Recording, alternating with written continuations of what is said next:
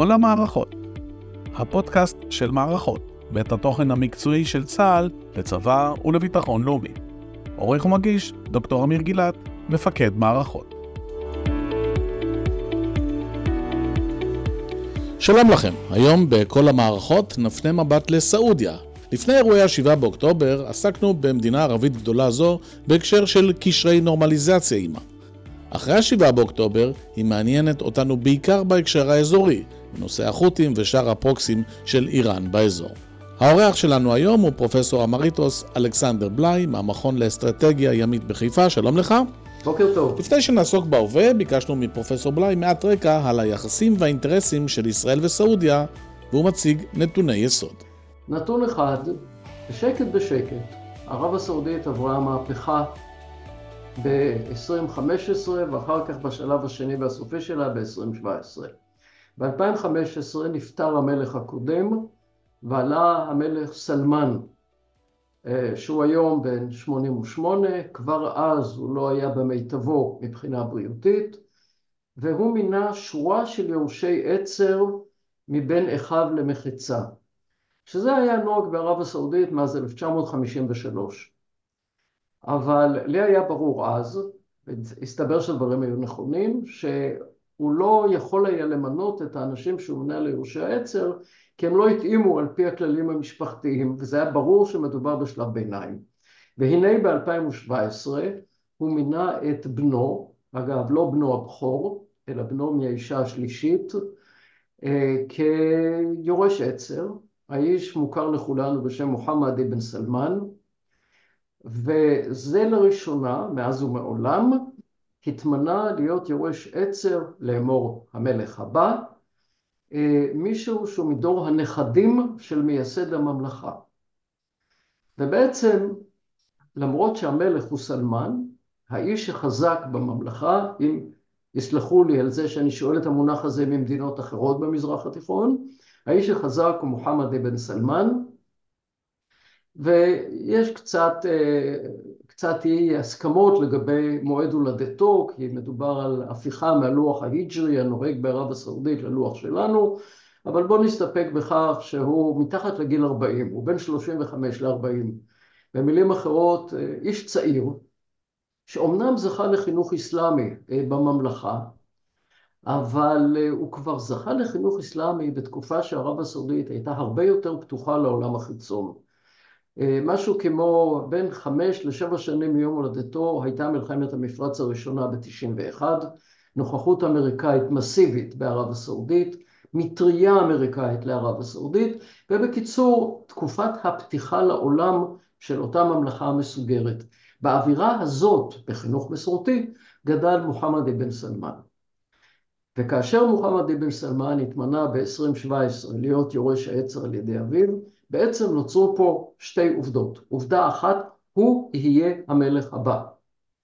עובדה שנייה, בא אדם עם חשיבה לגמרי אחרת מהחשיבה המסורתית של מי שגדל על ברכי התפיסה הווהאבית של האסלאם, ומי שהיה פחות או יותר סגור למערב. ולמעשה אנחנו רואים מ-2017 מדיניות סעודית חדשה לחלוטין. נעצור לרגע ונעשה זום אאוט לנושא היחסים הבינלאומיים, תחום עיסוקו של פרופסור בליי, שמסביר. יש גישה שקוראת לה, שנקראת adaptation, כלומר הסתגלות. ואנחנו אומרים מדינה שהיא כוח קטן, מסתגלת לתמונה העולמית מתוך עמדת חולשה כדי שלא ידרסו אותה. זה בתמצית. וזאת תמיד מדיניות אה, הגנתית, היות שמדובר בכוח קטן. ומה שעשה מוחמד אבן סלמן, אני גם כותב על כך, לראשונה אי פעם הוא אימץ מדיניות סטגלנית תקיפה. במילים אחרות, הוא התחיל ליזום מדיניות בשלושה מישורים. קודם כל, המישור האזורי, שנית, המישור מול ארצות הברית, ושלישית, המישור הגלובלי בכלל. וכאן נכנסת שאלתך לגבי יחסי ערב הסעודית-ישראל. מפני שמוחמד אבן סלמן לראשונה אי פעם לא מדבר במונחים אסלאמיים, אלא במונחים של פוליטיקה אמיתית של יחסים בינלאומיים. for you to agree to normalize relations with Israel? Well, uh, there is approach from uh, President Biden administration to get to that point. Uh, for us, the Palestinian issue is very important. We need to solve that part, and we have a good negotiations continue till now. We gotta see where it will go. We hope that it will reach a place that it will ease the life of the Palestinians and uh, get Israel back, uh, as a player in middle. גישה זו אפשרה לבן סלמן לדבר בגלוי, בריאיון לפוקס ניוז על נכונות למשא ומתן עם ישראל, כחלק מהתוכנית של ממשל ביידן. תשובתו מדגימה אפוא גם את המישור הבינלאומי, היחסים עם ארצות הברית, וגם את המישור האזורי, הדאגה לפלסטינים, וכמובן, האינטרס הסעודי לנורמליזציה עם ישראל. הוא מדבר מתוך נקודת מוצא של עוצמה. איפה אנחנו קודם כל מקיימים את השושלת הסעודית? שתיים, איפה אנחנו מקיימים את ערב הסעודית כמדינה חזקה, כשחקן משמעותי במזרח התיכון. ונקודת המוצא שלו, שלא ניתנת לשינוי מאז 1902, כאשר התחילו לשחרר את ערב הסעודית מהכיבושים השונים, לא ניתנת להכחשה העובדה שערב הסעודית ש-86 פעמים הגודל של מדינת ישראל, בניגוד למדינת ישראל הקטנה, אין לה מוצא לים פתוח. אנחנו יוצאים לים התיכון דרך מבצע, מבצע גיברולטר, והם לא יכולים לצאת לים סוף בגלל מצרי באב אל-מנדב, הם לא יכולים לצאת לפרג'ן גולף, למפרץ הפרסי, בגלל מצרי הורמוז, ובעצם מי ששולט על האסטרטגיה הסעודית זה מי ששולט בים סוף במוצא, שהיום זה הכוח העוין של החות'ים, מי, ש... מי ששולט בצפון זה המפרץ הפרסי, שזה כמובן איראן, שתכף נדבר עליה קצת יותר. במילים אחרות, ערב הסעודית מיום שהיא באה לעולם, יש לה בעיה, איך אתה יוצא לים פתוח בלי שמדינות קטנות כמו תימן או מעצמות אזוריות כמו איראן ישלטו עליה. ולכן, פה באה ישראל לעזרה. מפני שכשאתה מסתכל על מדינה קטנה, מאוימת, כמו ישראל, אתה עלול לשכוח שיש מדינה גדולה ומאוימת, כמו ערב הסעודית. אבל כל המנהיגים שקדמו למוחמד אבן סלמן, הסתכלו דרך המשקפת האסלאמית וברור שהם לא יכולים לשתף פעולה עם מדינת ישראל היהודית. ובא בן אדם שהוא חסיד של הגישה של עוצמה ביחסים הבינלאומיים, ואמר רבותיי, זו המדינה שתיתן לי את מה שאני צריך, בהסתייגות אחת.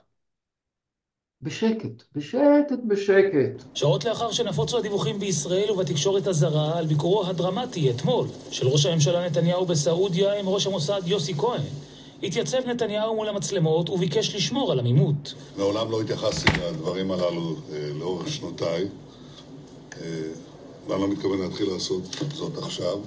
ואני מזכיר לך ולמאזינים שכאשר הודלפה פגישה בין ראש הממשלה נתניהו ליורש עצר מוחמד אבן סלמן, געשה ערב הסעודית והכחישה מכל הכיוונים.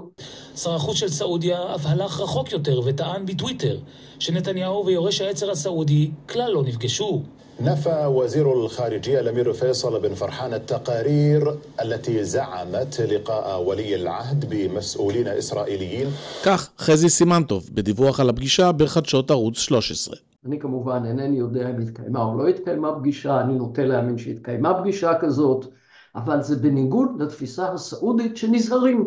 לפרופסור בלאי, שחוקר גם את ירדן, מזכירים היחסים בין נתניהו לבין סלמן את היחסים בין ראש הממשלה יצחק שמיר למלך חוסיין. כלומר, יש פה יחסים שמדברים, לפחות זה הרושם מהתקשורת הזרה, מדברים, מגנים על האינטרסים המשותפים, ומתקדמים ביחד. אחרי שהבנו את האינטרס הסעודי ביחס לישראל, בואו ננסה ליצור תמונת מראה. מה האינטרס הישראלי בסעודיה?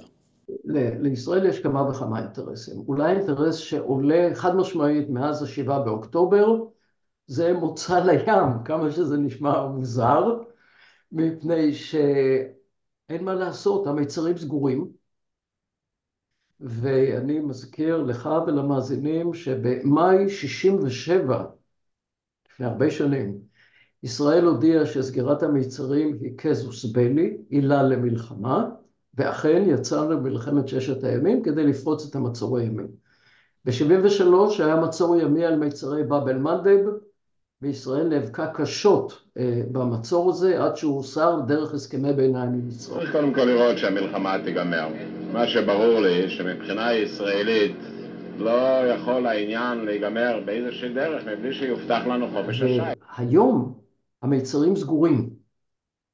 החות'ים, שהם גם אויבי ערב הסעודית, מיד נגיע לכך, החות'ים חסמו את המיצרים לספנות בים סוף. נכון להרגע, ישראל בתוך זה, ישראל לא, לא רק ישראל בתוך העניין הזה. ולכן אנחנו צריכים להבין שישראל צריכה מוצא כזה שיאפשר לה את המשך הסחר עם מזרח אסיה. מה לעשות, כולנו נוסעים בטויוטה וביונדאי ואפשר להמשיך ברשימה וצורכים טלוויזיה ממוצרים כאלה ואחרים. אבל הנקודה פה היא לא רק זה, יש הרבה פריטים נוספים שאנחנו מייבאים ובכלל זה השער לאסיה. ונכון להיום יש מעבר חופשי, כל עוד איראן לא סגרה את מצרי הורמוז, ממזרח אסיה אל מצרי הורמוז ומשם לנמלים סעודים ומפרציים בכלל. וערב הסעודית לראשונה אי פעם בהיסטוריה פתחה, לא אתמול, את השער היבשתי למדינת ישראל שמגיע מהמפרץ הפרסי דרך כל הצד הצפוני של ערב הסעודית, המשך לירדן שיש לנו איתה יחסי שלום והמשך לאשדוד או לחיפה. אני מזכיר לך בהזדמנות הזאת את היוזמה של כמה וכמה שרי תחבורה שדיברו על כך שנכון שאין התכנות כלכלית לרכבת לבית שאן, אבל זו הרכבת שתחבר אותנו לרמת אירביד אה, בירדן. ובעצם כשאתה אומר רמת אירביד בירדן, אתה אומר בנשימה אחת, ערב הסעודית, ירדן, סעודיה וכיוצא באלה דברים. השתנה משהו ביחס אה, של סעודיה לישראל אחרי השבעה באוקטובר, או להפך? זאת שאלה מעניינת שאני עוקב אחריה אה, כמובן מהשבעה באוקטובר ובואו נתחיל קודם כל במילה של היסטוריה. בכל מלחמות ישראל עד 73' היו כוחות משלוח סעודים שנלחמו בישראל דרך הטריטוריה הירדנית וב-48' אפילו הם עמדו מאחורי האחים המוסלמים שניסו להגיע לירושלים בציר באר שבע. אותה תפיסה אסלאמית של סעודיה כמנהיגת העולם המוסלמי. בדיוק כך, בדיוק. והנה לראשונה אתה רואה את ההצהרות של, קודם כל רק של מוחמד אבן סלמן. אני לא ראיתי אף הצהרה של אף אחד אחר. אולי חוץ מיורש העץ, משר החוץ הסעודי, שהוא ממש עושה דברו של, של מוחמד אבן סלמן, הם חוזרים על אותן פרזות ישנות, פתרון הבעיה הפלסטינית, שתי מדינות וכן הלאה.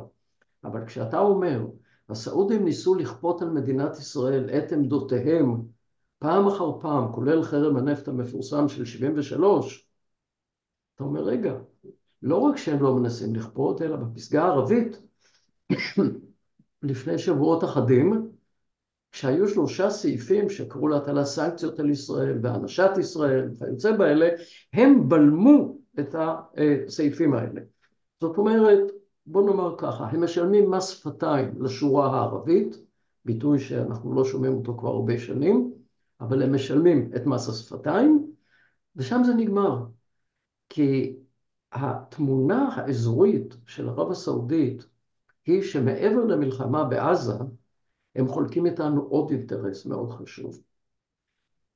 צריך להבין שהסעודים, או, או יותר נכון, NBS, הוא אדם מאוד ריאליסטי. הוא מבין שהאויב הגדול של ישראל זה לא רק החמאס וחיזבאללה ואל-חשד א-שעבי בעיראק, אלא האויב הגדול של ישראל, ראש התמנון, איראן. וזה בדיוק האויב של אה, ערב הסעודית. ולכן, להם יש אינטרס לשתף איתנו פעולה, להכות בחמאס במלוא העוצמה, בהמשך להכות בחיזבאללה. מזכיר לי תמיד את הביטוי אה, של סטלין, שהוא יילחם בגרמניה עד החייל הפולני האחרון. ולסעודים זה נוח, אנחנו הותקפנו, אנחנו נלחמים, חלילה מחר נילחם בחיזבאללה, אנחנו עושים את עבודתו. ופה המקום להכניס לדיון שלנו עוד אלמנט מעניין, וזה האלמנט של ההסכם הסעודי-איראני במרץ 23. Well, Iran and Saudi Arabia have agreed to re-establish diplomatic relations and reopen embassies within two months. אנשים רבים הופתעו מכך ששתי המדינות הללו חתמו על לכאורה הסכם שלום. אבל בואו ננסה לפרק את ההסכם הזה ולהבין מה באמת קרה שם. קודם כל, ההסכם הזה נחתם בבייג'ין. ומי שהיה השושבין המרכזי היה שיפינג, הנשיא הסיני. תראה, איראן וסין הן בנות ברית לא מאתמול. וכשאנחנו רואים את אספקת הנשק הדו צדדית בין רוסיה ואיראן, אספקת הנשק החד צדדית מסין לאיראן, אנחנו יודעים בדיוק איפה איראן עומדת. אנחנו גם יודעים שסעודיה לא עומדת שם. אבל אנחנו כן יודעים שסעודיה היא אה, היצואנית הגדולה ביותר לסין של אנרגיה, והיא אחת היבואניות הגדולות ביותר של מוצרים סיניים לממלכה. בהתחשב בעובדה שיש עם סין הסכמים לייצוא סעודי של נפט ואנרגיה אחרת במחירים קבועים לאורך שנים, אני חושב שאפילו 90 אחוז מהייצוא הסעודי היום של אנרגיה הולך לסין. לסעודים יש תוכניות פיתוח שאפתניות מאוד, שתלויות בהכנסה קבועה מן האנרגיה. וכל שינוי במדיניות המחירים העולמית של האנרגיה תשפיע לרעה על מדיניות הפיתוח הסעודית. כי אז הם לא יכלו לבנות תקציב מסודר לחמש, עשר ושלושים השנים הבאות כמו שהם עשו. ולכן, אתה אומר, יש פה שותפות בלתי רגילה, הם מוכרים נפט במחירים נוחים להם, הם קונים נפט במחירים שנוחים להם, הכל הולך למישרים. זו תמונה שהסעודים שומרים עליה בכל מחיר. ולכן, כשהסינים הזמינו את האיראנים ואת הסעודים לבייג'ין, לשני הצדדים היה אינטרס להמשיך בסטטוס קוו במפרץ. אבל שלא תהיה פה טעות לאף אחד. הסעודים והאיראנים, למרות פתיחת השגרירויות, ממשיכות להיות מדינות אויב בכל מובן. ואם יש משהו שמדאיג את הסעודים, זה שיום אחד תהיה התקפה על מתקני הנפט הסעודים. אני אעיר ואומר שכנראה לא סביר, כי לסינים יש אינטרס שזה לא יקרה, אבל לסינים אין שום אינטרס שהאיראנים יתקפו או לא יתקפו את המקומות הקדושים לאסלאם במכה ובמדינה ברצועת החוף הסעודית בשם חיג'אז. ולכן כשאתה מסתכל, אתה אומר לעצמך, רגע, אנחנו בעצם חוזרים למאה השביעית, למלחמה בין סונה, הזרם המרכזי באסלאם, לשיעה, הזרם של איראן באסלאם, ובעצם זו אותה מלחמה, מי השליט באסלאם, ומי ששולט במקומות הקדושים, שולט באסלאם, ועל זה, נכון לרגע זה, נמשך המאבק במלוא עוזו. וזה הזמן להכניס לתמונה את החות'ים. הנה, זו דוגמה קלאסית בדיוק לעניין של החתרנות האיראנית. איראן לא חותרת נגד ערב הסעודית, לכאורה, כי יש הסכם 2023 של השלמה, פיוס, איך שתקרא לזה.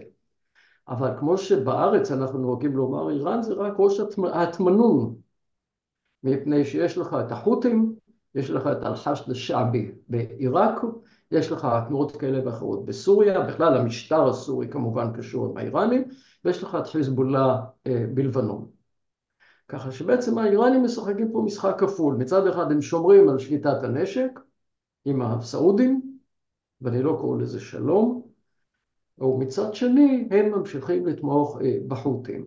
ופה אה, אנחנו מגיעים לסיפור עוד יותר מעניין, כי החות'ים זה בעצם שבט, קונפדרציית שבטים אם אתה רוצה, אה, מאחד הזרמים של האסלאם השיעי. זאת אומרת, בעצם זה ברור שהם הרבה יותר קרובים לטהרן אה, מאשר לערב הסעודית. וכשאתה מסתכל על החות'ים, צריך להבין, תימן היא מדינה עם הרבה היסטוריה. וחלק מההיסטוריה זה שהשלטון עבר בין שושלות סוניות די סוטות מהאסלאם המרכזי, ופה ושם היו גם שושלות שיעיות בנוסח של, של החות'ים. ב-2015 הייתה, ב-2014, הייתה קונסטלציה מסוימת פנימית תימנית, שאנחנו לא ניכנס אליה עכשיו, אבל כתוצאה ממנה החות'ים עשו הפיכה צבאית בתימן, והשתלטו על האזורים שבהם הם רוב. האזורים האלה שהם מערב תימן, אלה האזורים שמעניינים את הסעודים ואותנו, כי הם יושבים על האי פרים, והם יושבים על נקודה בשם שייח' סעיד, שלא מזכירים אותה בתקשורת הישראלית, אנשים לא מכירים אותה, אבל שייח' סעיד זה גבעה, קצת יותר גבוהה מגבעה, אפשר לומר, הר נמוך, ששולט על המיצרים מהיבשת, לא מהאי פרים.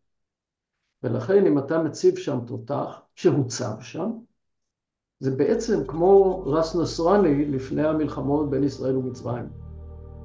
והם יושבים שם ומפקחים.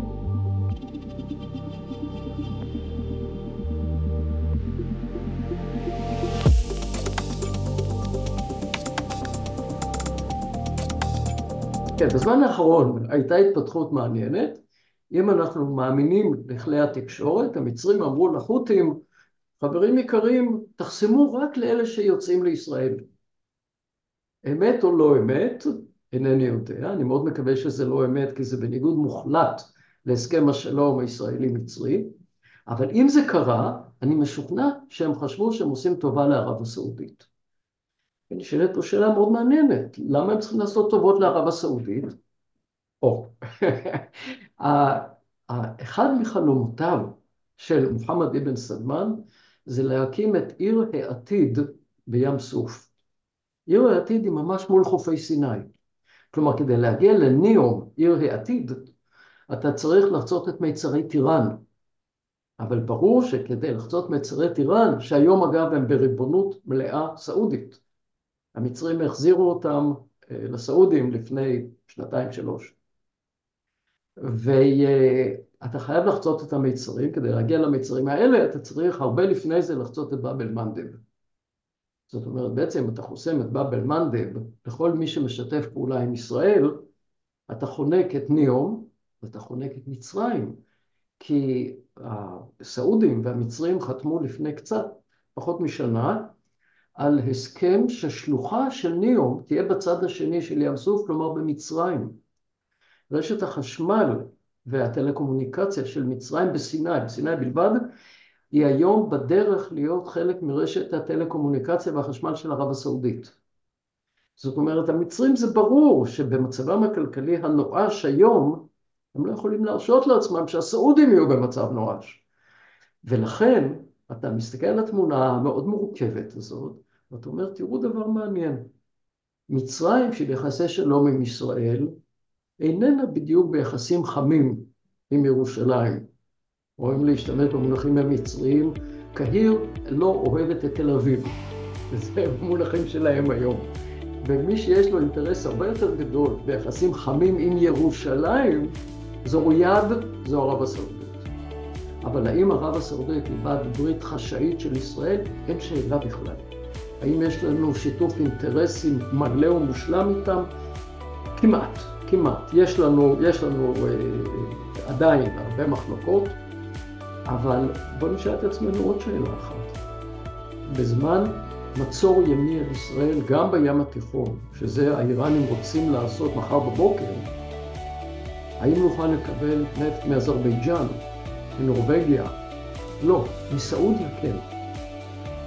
ולכן כשאנחנו מסתכלים על התמונה הזאת הכוללת, ואני הקפתי רק חלקים בודדים ממנה, אתה בעצם אומר, המנהיג הסעודי הזה הוא לא רק סטגלן תקיף, אלא הוא גם חדשני במדיניות החוץ הסעודית. אנחנו רואים פה דף חדש לגמרי בעמדה האזורית של ערב הסעודית, ובמיוחד ביחסי ישראל-ערב הסעודית. פרופסור אלכסנדר בלייט, תודה רבה לך. תודה. תודה רבה גם לכם על ההאזנה, עד כאן הפרק הזה של כל המערכות. כל הפרקים של כל המערכות, הפודקאסט של מערכות, זמינים באתר מערכות.idf.il. אנחנו ניפגש בפרק הבא. להתראות.